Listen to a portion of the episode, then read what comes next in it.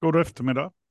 Klockan är något, något efter 15.00 och då är det på KTH eh, numera dags för fikasnack om framtidens utbildning. Ett kollegialt samtal mellan olika personer eh, som pratar om utbildning i vid bemärkelse. Eh, allt ifrån eh, eh en pedagogisk idé kanske till, till eh, storskalig utveckling av ett lärosätes eh, verksamhet när det gäller utbildning och former för utbildning. Eh, jag heter Johan Fridfudell, jag är poddvärd. Med mig har jag kollegan från Framtidens utbildning, Per Fagrell. Välkommen! Tack så mycket, hej hej! Och du är tillbaka igen. Eh, vi har lite rond, mm. ronderande bemanning i, i podden. Eh, eh, kul att du är tillbaka även denna vecka. Och den här veckan har vi också två gäster eh, och det är Elina och Daniel. Eh, välkomna till podden. Tack. Tack. Eh, vi tänkte ju ändå att vi skulle vilja veta lite mer om vad ni är för personer. Så Elina, skulle du kunna berätta bara lite kort om dig själv, din specialisering, forskning och vad du gör på KTH? Mm. Jag är lektor i ämnet människa-dator-interaktion med en inriktning mot hållbarhet. Och jag sitter på en avdelning som heter medieteknik och interaktionsdesign på Skolan för elektroteknik och datavetenskap. Eh, och eh, man kanske kan kalla mig ehm, odisciplinär. Eh, det är lätt så att man blir lite mer odisciplinär när man börjar ägna sig åt hållbarhetsfrågor. För då stannar man inte nödvändigtvis i en liten låda över att jag tar fram den här tekniska prylen eller den här tekniska mm. lösningen. Så jag skulle säga att jag är ganska tvärvetenskaplig forskare. Sen har jag då undervisat och forskat på hållbarhetsfrågor sedan 2012 ungefär. Eh, och inom datautbildning är det ganska unikt. Jag och Daniel, när vi pratar med kollegor runt om i världen så blir de väldigt avundsjuka att vi får undervisa så mycket hållbarhet som vi får göra för våra datastudenter eh, i bred bemärkelse. Kul. Och eh, Daniel, välkommen till podden. Ja, tack. Jag är också lektor och jag är också på samma avdelning, avdelning för medieteknik och interaktionsdesign. Men där Elina är lektor i människa-datorinteraktion så är jag lektor i medieteknik, men också min inriktning mot hållbarhet. Och eh, så att eh, en del av det Elina sa gäller även för mig eftersom vi har varit kollegor eh, lika länge vi jobbat som li, lika länge som vi har jobbat med hållbarhet, det vill säga i tio år. Och, och jag har en också en, jag har en blandad bakgrund, eh, datavetenskap och samhällsvetenskap, men har de senaste 15 åren privat och sen 10 åren i jobbet varit intresserad av hållbarhet också. Och det, det, är lite kul eftersom ni ju nu då går ifrån eh, hållbarhet eh, eh som liksom, alltså, då ett intresse, ett forskningsområde, men också nu då till något som är ett nytt masterprogram som heter hållbar digitalisering. Eh, för det första, bara för den som eventuellt inte är student eller fakultet på KTH, vad är ett mastersprogram?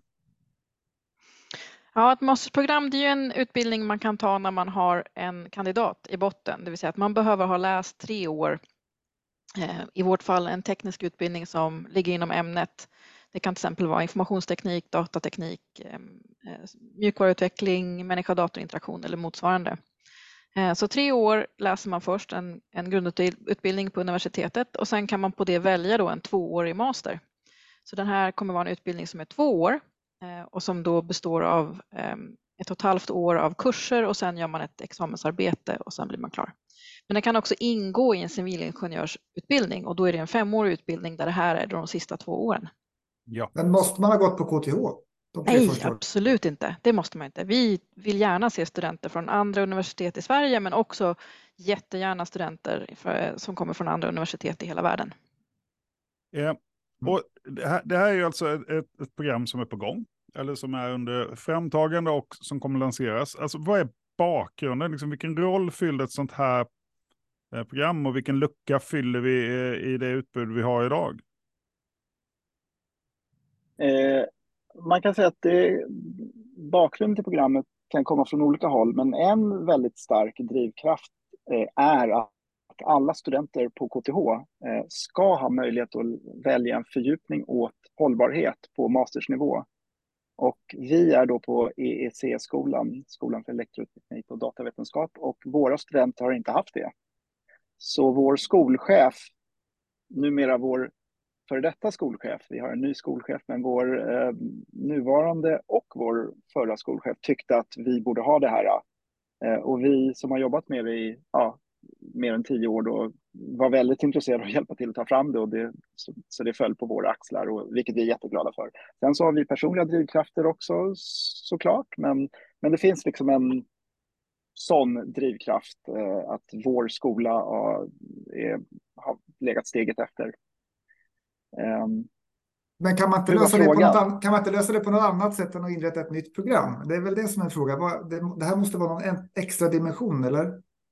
Ja, men det som, det som, eh, dels så finns det rent tekniska saker som att det är svårt att få in det i sin sitt examensbevis om det inte är ett program. Så att spår och sånt är liksom lite otydligt och det finns inte riktigt tydligt specificerat. Det. För, så vad man vill är att studenter ska kunna gå ut i arbetslivet och säga jag kan hållbarhetsfrågor ordentligt. Eh, så det är ju en sån fråga. Men sen är det också det att vi är ju intresserade av att göra en bra helhet så att det inte blir så att man integrerar hållbarhet och det inte blir så bra. Eh, utan här får vi faktiskt chansen att göra en, en, en djup eh, liksom sammansatt master som verkligen tar hållbarhetsfrågorna på allvar. När kommer man kunna läsa den? När kan man söka? Internationella studenter kan söka redan nu. Antag, eh, antagningen, nej inte antagningen, men eh, möjligheten att söka öppnade bara här om veckan och man kan söka fram till januari då. Om man inte är student på KTH. Studenter på KTH väljer senare under våren. Men jag ska faktiskt säga en sak till också, mm. att lite speciella är vi kanske jämfört med många andra program på så vis att vi blev ju då uppmanade eller kanske beordrade till och med att alla fyra civilingenjörsutbildningarna på vår skola ska ha möjlighet att läsa den här äh, mastern och få bli civilingenjör i sina respektive ämnen. Vilket gör att det blir lite fler kugghjul som ska passa ihop. Då, då så att eh, vi ska kunna ta studenter från fyra olika civilingenjörsprogram som går vår master och de blir då finns det lite olika krav som de kommer med från sin, i bagaget då, från sina respektive civilingenjörsprogram. Då. Men det gör oss lite speciella. Så vi en servicefunktion också på så vis för alla, för hela skolan. Men det där sista du säger, är det så att säga försvårande för er när ni ska designa programmet eller är det en, en, öppnar upp för mer eh, ett friare tänk? Jag tänker att det, det kan både vara öppna upp och vara försvårande, men, eh, eh, för det är liksom lite olika logiker. Mm. Men jag tänker att det finns ju ingenting som inte går att lösa om, om bara man är överens om det. Men sen finns det många det finns ju många krav då, lärandemål och sånt som måste uppfyllas ehm, som kanske gör att det blir lite mer komplext och mer saker att mm. hålla reda på så man vet vad man pratar om när man pratar om teknikfördjupning eller huvudområde och massa andra tekniska termer mm. som jag helst låter bli att prata om. Ja, för det, de där termerna struntar ju studenterna i egentligen. Ja, precis. Eh, de bryr sig inte. Nej, så vi kan börja andra änden. Vilken roll tror ni att de här färdiga studenterna kommer ha när de kommer ut i ett arbetsliv? Ja, vi hoppas ju på att det här ska bli eh, studenter som kan eh, ta ledarroller, ledarskap i omställningen, att de kan få jobba som, som eh, förändringsledare och liknande, men att de har en, liksom, en bred teknisk kunskap, inte en djup teknisk kunskap nödvändigtvis, utan de kan bli brobyggare mellan olika eh, kompetenser och även eh, utanför liksom, tekniska discipliner. Så att det finns en, en eh, interdisciplinär men också transsektorell förståelse och kunskap. Eh, så det är väl det som vi absolut mest vill fokusera på. Att hur hjälper vi de här studenterna att få de eh, mm. kompetenser och de, de förmågor som gör att de kommer bli bra ledare i ehm, en föränderlig eh, morgondag där man måste jobba med komplexitet och osäkerhet. Har ni funderat på om det är stora arbetsgivare eller de, kommer de vara eg, sig egna och ut och, och, hjälpa andra organisationer som egna konsulter? Eller har ni, kommit, har ni tänkt på sådana saker? Vi har tänkt jättemycket på det. Vi har, vi, har tänkt, vi har tänkt på det, men vi vet inte. Nej, det är klart att vi har vet. inga studenter än. Nej. Men jag ska säga, jag måste bara, det brukar vara jag ofta som är mer ordrik. Du, du frågade vilken roll kommer de här studenterna spela när de är färdiga? Eh, och jag vill svara med en one-liner. De kommer förändra världen. Wow. Det är en ganska bra pitch. För eh, vilka tror ni, vad har man för egenskaper när man söker det här? Eh, alltså, det är ju jättesvårt för er att säga, ni kommer ju kunna svara om tre år vilka studenter som liksom verkar, liksom, där det här fäster bäst. Men vad, vad, vad tror ni själva? Alltså jag skulle ju verkligen vara glad om det kom personer som var strategiska, som var intresserade av strategiska processer och som var kreativa och kunde använda sin föreställningsförmåga för att utforska möjliga framtider. Ehm, och jag tycker att det vore bra om de var ehm, sådana som kan liksom sätta sig in i snabbt ehm, olika typer av ämnesområden och, och liksom dra kopplingar mellan olika saker så att de kan knyta samman kunskap från olika fält och olika områden. Det är väl liksom min dröm att få sådana studenter. Men sen vill jag ju också ha studenter som, för att i vårt program så kommer det finnas ganska mycket om ledarskap och även självledarskap så att det ska vara reflexiva studenter som, som vågar blicka inåt också på sig själva. Mm. Eh, vi, vi har inte börjat toucha det ännu riktigt, för fortfarande pratar vi om programmet som sådant, men eh, om man tittar hållbar digitalisering som, som fält, då säger vi att ja, det är tvärvetenskapligt. Ja, men mellan vilka vetenskaper och sådär då? Det, sånt kan man ju börja bli kanske nyfiken på då. Eh, för det är klart att man vill jobba med spännande uppgifter som är strategiska, men vad? Mm. Eh, alltså, vad lägger ni i, i liksom hållbar digitalisering? Alltså, vad, vad, vad är det för dimensioner ens eh, som ligger där? Inom vårt fält eh, så brukar man prata om eh, ICT or sustainability in ICT or sustainability for ICT. Så att man kan ju tänka sig att och man kan också prata om direkta och indirekta effekter av mm, digitalisering mm. och IT. Så den direkta effekten är ju så att den här datorn jag sitter framför har en miljöbelastning och vårt samtal har en miljöbelastning och det behöver man ju liksom räkna på och göra så att avtrycket blir mindre och så. Det är de direkta effekterna.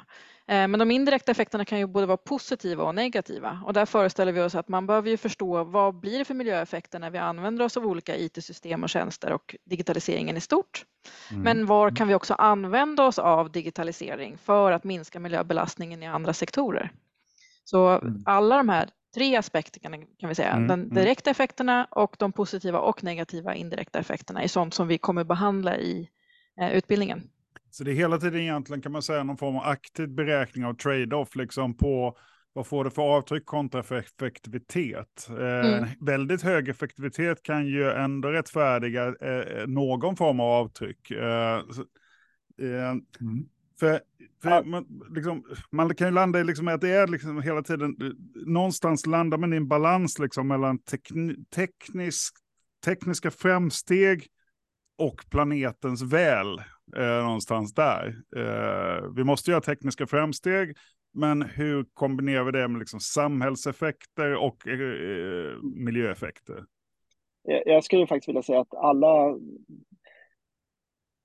du sa tekniska framsteg, men alla tekni all teknisk utveckling behöver inte nödvändigtvis betyda att det är framsteg, speciellt inte ur ett miljöperspektiv. Om vi nu tar att eh, mina bitcoin som har ett stort eh, koldioxidavtryck och just att man har valt att göra det på ett sådant sätt så det bara är en belastning. Mm, mm. Eh, Bitcoin kanske är ett framsteg, men det sätt som de framställs är definitivt inte ett framsteg i miljö.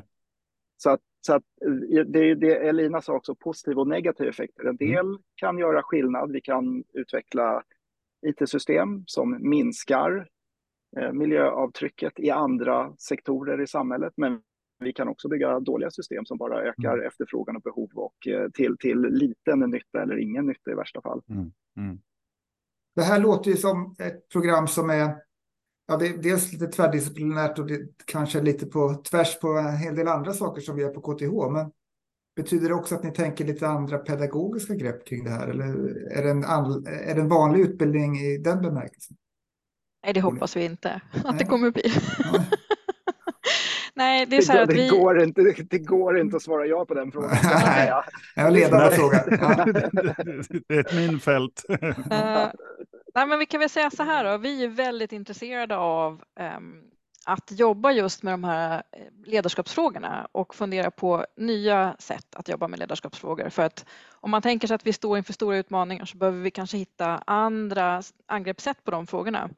Och vi är väldigt inspirerade av en, en ehm, eh, Eh, ska man säga, en, eh, ett sätt att arbeta med det här som heter Art of Hosting, Harvesting Conversations That Matter, som egentligen är ett eh, stort nätverk av facilitatorer av samskapande processer. Och där kan man, man kan gå träning i det och, och, det finns liksom en idé om vilka metoder som passar in och det finns en, några grundläggande principer. Men generellt är de också ganska odisciplinära. Att, att det som funkar, det använder man sig av. Mm. Men det som, det som liksom är väldigt spännande är att när man går en Art of Hosting-träning och man gör det utanför akademin så Eh, redan dag två på en tre, tre dagar lång träning så får man eh, själv gå in och leda en del av de övningarna som man lär sig. Så att man lär sig mm. genom att leda andra. Mm. Eh, sen gör man inte det i ett vakuum utan man får ju hjälp, man blir ju coachad av de som är tränare så att det finns alltid någon som liksom håller en om ryggen mm. så att man inte liksom är helt ensam där. Och vi tänker oss att vi ska ta in det i den här utbildningen också, att de här studenterna redan i deras första kurs ska få möta den här typen av pedagogik eh, där de kommer få leda varandra redan från, från eh, eh, kanske inte dag ett, men åtminstone den, den andra veckan på deras mm. utbildning. Och sen ska det ligga som ett spår så att det finns en hel kurs som handlar om det som heter Leading Complex Change Processes. Men sen i den programintegrerande kursen så kommer det här komma tillbaka som ett återkommande moment där de då liksom, eh, möta de här metoderna igen men också att de ska få leda varandra. Och det tror jag inte att man har gjort så mycket på KTH hittills. Vi är ganska duktiga på att lära ut saker eh, men det är sällan som vi lämnar över lite av kontroll, kontrollen till studenterna på det här mm. sättet. Mm. Jag, jag, skulle lägga till också, jag skulle lägga till att frågan var om vi kommer att använda samma pedagogik eller om vi eh, har några nya grepp. Och, eh, en av, det här finns ju en koppling med den här podden om framtidens utbildning och en av principerna där är att eh, vi ska jobba med att tänka på eh, omedgörliga problem, wicked problems. Och det är ju inte riktigt den typen av problem som man traditionellt har ägnat sig åt, eh, åt inom många civilingenjörsutbildningar. Utan om man, man, här är en balk, vad klarar den för krafter från det hållet och det hållet om vi vrider på den och så vidare. Det är inte ett omedgörligt problem, det finns ett svar mm. eh, i en handbok. Men miljöområdet blir, eh, är det många komplexa samband och problemen blir omedgörliga. Kanske borde det inte ens heta omedgörliga problem, för problem implicerar att det finns någon slags lösning. Utan det kanske är så att vi står inför predikament, de här avvägningarna som du nämnde förut med tekniska framsteg mm, och mm. miljömässiga effekter. Det kanske inte finns någon enkel lösning. Det kanske är till och med värre än att vi ska kalla det ett problem.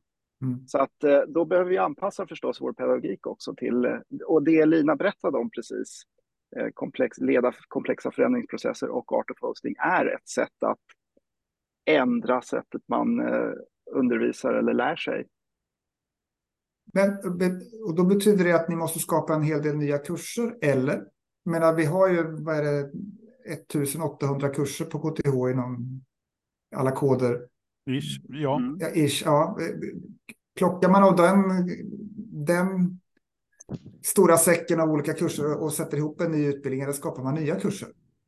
Vi gör väl lite av både och. Ehm, till just det här programmet har vi faktiskt eh, tagit fram en del nya kurser. Så ehm, vi har den här Leading Complex Change mm. Processes. Mm. Men vi, har också en, vi kommer också ha en livscykelanalyskurs som handlar om digitalis, alltså livscykelanalys av digitala produkter, tjänster eh, och system. Det har inte funnits tidigare på, på KTH. Det är ett samarbete med eh, ABS-skolan. Ehm, och så där. så vi har tagit fram nya kurser. Eh, men sen så rekommenderar vi också studenterna att ta kurser, inte bara hos oss här på eh, ECS-skolan utan vi har också en lista över rekommenderade kurser på andra delar på KTH. Eh, och mycket vill jag ju uppmuntra studenterna att själva också fundera på vad det är som får dem att gå igång och vad de brinner för och sen så mm. försöka plocka ihop då på de här valfria kurserna så att de får den inriktningen som de känner att de vill jobba med. Eh, mm. Och sen hoppas jag att också vi lyckas förmedla till de här studenterna att det är liksom inte slutlärt bara för att man går klart sin masterutbildning utan det här är någonting man kan fortsätta med hela livet. Ja, för det, så är det ju för de flesta ingenjörer eh, numera att eh, man är ju inte fullärd när man kommer ut, utan i bästa fall har man ju skaffat sig en förmåga för att fortsätta lära, fortsätta identifiera sina behov och sen förhoppningsvis också då eh, hitta vägar liksom att för, liksom fylla de hål man, man noterar då. Hur, hur ser ni där också? Vad, vad, liksom, hur, hur, fortsätter vi att undergöra de här sustainable, de vi skickar ut då? Hur fortsätter vi att se till att de får den utbildning alltså det, det kunskapstillskott de behöver om fem år, om tio år? Vad har ni för tankar? Mm. Är det, kommer de tillbaka till utbildningen då? Eller hur, hur gör vi? Alltså något som är eh, lovande är att vi genom åren har fått propåer och ibland pratat med eller för, gett föredrag ute på olika konsultföretag, datakonsultföretag. Ja. Så det finns ett intresse och vi tycker att den typen av företag är jättespännande eftersom de i sin tur har kunder. Så det verkar vara en hävstång. Ja. Sen så skulle vi hemskt gärna eh, ta emot studenter eller då yrkesverksamma som kommer tillbaka. Men, och, och, det vill vi göra och KTH vill också att vi gör det, eller vi, vi, vi ska vara på väg dit. Men det finns ju många praktiska problem då eh, som behöver lösas och vi lärare vet inte nödvändigtvis hur vi gör och hur vi kanske behöver modellisera kurser och se till så att mm. de är mm. möjliga att läsa för människor som inte är heltidsstudenter. Men det vill vi absolut och vi skulle ju gärna välkomna människor med de kunskaperna till våra kurser. Det skulle vara otroligt berikande för, för, för vanliga studenter eller mm. de som inte är yrkesverksamma. Det skulle vara fantastiskt. Ja, det blir lite av ett självförsörjande system i bästa fall, men man måste väl också uppnå någon form av kritisk massa, att det måste tillräckligt många mm. studenter med den här inriktningen måste ha gått ut där liksom, för att sen mm. kunna komma tillbaka. Men det är, det är, det är ju jättespännande eh, prospekt liksom för vad, hur vi måste jobba, det vill säga att examen är början på en väldigt lång relation med sitt lärosäte, om, om vi som lärosäte är flexibla nog. Mm. Men det görs ju mycket jobb på det området nu och jag tycker, tittar man på hur KTH ser ut idag mot hur högskolor generellt jobbade för 20 år sedan så är ju medvetenhet, gått från ord till handling. Det finns livslångt lärandekurser och annat. Och liksom vi har, det handlar inte bara om uppdragsutbildning eh, som då innebär ganska mycket commitment från det företag som skickar sina medarbetare. Så jag tror att vi börjar hitta former. Eh, Får jag bryta in där eh, ja, innan gärna. du börjar? Eh, med det här sagt och så vidare, hur stort program tror ni att det här kommer bli? Det är klart mm. att ni inte vet förrän folk, studenterna börjar söka, men hur många har ni plats för i ett första skede? Vi har ju tänkt att vi ska börja så där runt 20-30 studenter eh, under det första intaget för att mm. kunna hantera barnsjukdomar när man mm. lägger upp ett nytt program. Eh, men sen siktar vi på runt 50 60 studenter.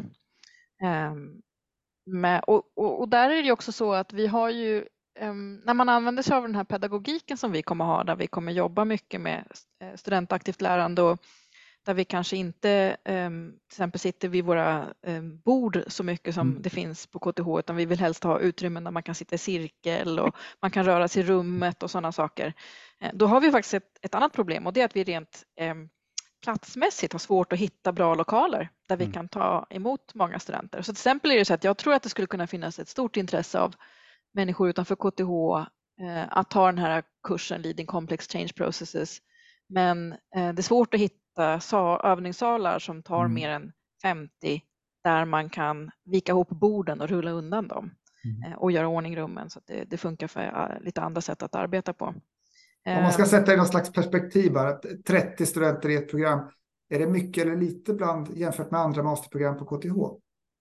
Det vet faktiskt inte jag. På vår skola vet jag att det är lite blandat. Vi har ett par program, masterprogram som tar 30 och sen har vi några som är jättestora. Mm. Eh, så det är lite blandat tror jag. I, och för sig 30 är ju inte slutmålet utan Nej. det är ja. vad vi så det är inte det, det är kanske är den där 50-60 snarare som är det man borde fundera över om det är lagom stort eller kan, ja, Eh, men som Elina sa, om vi har en kurs där vi har speciella önskemål på lokaler och inte finns så många så är det en begränsning också. Mm. Det är klart. Mm. mm. Vad, alltså när ni satte och började det här jobbet med att ta fram ett, ett, ett, eh, ett nytt utbildningsprogram, vad var det som uh, var klurigast att lösa? Vad stötte ni på för problem i, i liksom att när ni gav i kast med det här? Fanns det någonting där som ni inte, eller har allt, ni, ni, det var bara skriva från start till slut och sen nu, nu finns det liksom ett program som är klart? Eller var det något vägval ni gjorde som var besvärligt? Alltså, det, det finns många saker som är knepiga. Eh, så kan vi säga. Och, och, det vore kanske tråkigt så här på slutet av samtalet att gräva ner oss i det. Men, men en sak som jag kan säga är ju att det, det, finns ju väldigt många målkonflikter som man måste hantera när man ska försöka lägga upp utbildningsprogram. Och det finns målkonflikter på KTH kring vad vi vill att våra utbildningar ska vara.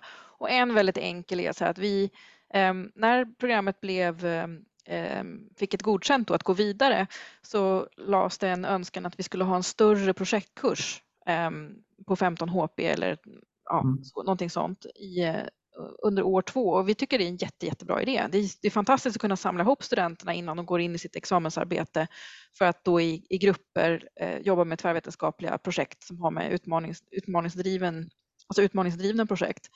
Eh, men när vi då gör en sån kurs obligatorisk, då, då blir en annan del av KTH eh, lite upprörd och säger så här, men när ska de kunna åka ut på utbytesstudier? Ja? För då är- ligger det obligatoriska kurser i alla perioder under, Mm, under hela utbildningen. Och, så, ja, och då är det ju en målkonflikt. Så här, ja, Ja. men I det här programmet kanske det, det kan vara svårare att göra utbytesstudier om du inte hittar en plats där man kan göra motsvarande arbete eller, eller så.